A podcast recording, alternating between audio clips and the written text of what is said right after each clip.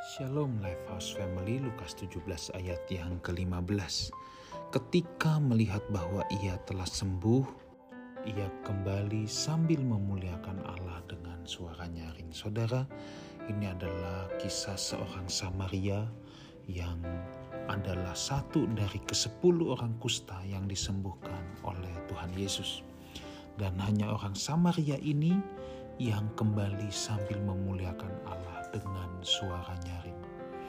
Saudaraku, kapankah kebanyakan kita mencari Tuhan? Atau kapan kita berseru kepadanya? Bukankah terbanyak orang ya mencari Tuhan, berseru-seru kepadanya di saat mereka merasa dirinya tidak lagi berdaya, ketika seperti langit menjadi tembaga, jalan sudah buntu, semua usaha tidak ada yang berhasil, atau sakit keras, atau sudah ketemu vonis dokter di mana dokter angkat tangan, baru orang-orang mencari Tuhan. Dan tatkala pertolongan Tuhan datang, barulah orang itu bersyukur dan menganggapnya itu mujizat dari Tuhan. Di luar itu saudara, banyak orang kerap kali beranggapan, berpikir, merasa bahwa semua yang terjadi dalam hidup ini, apalagi hal-hal yang baik dan menyenangkan kita, adalah hal yang biasa, sehingga kita lupa berterima kasih sama Tuhan, lupa mengucap syukur kepada Tuhan. Kenapa tanpa kita sadar, kita selalu berpikir hal yang baik dan menyenangkan itu adalah hasil kerja keras kita? Kita suka menjadi lupa, saudara, bahwa di balik semua itu Tuhan turut bekerja, menolong, memampukan supaya kita berhasil.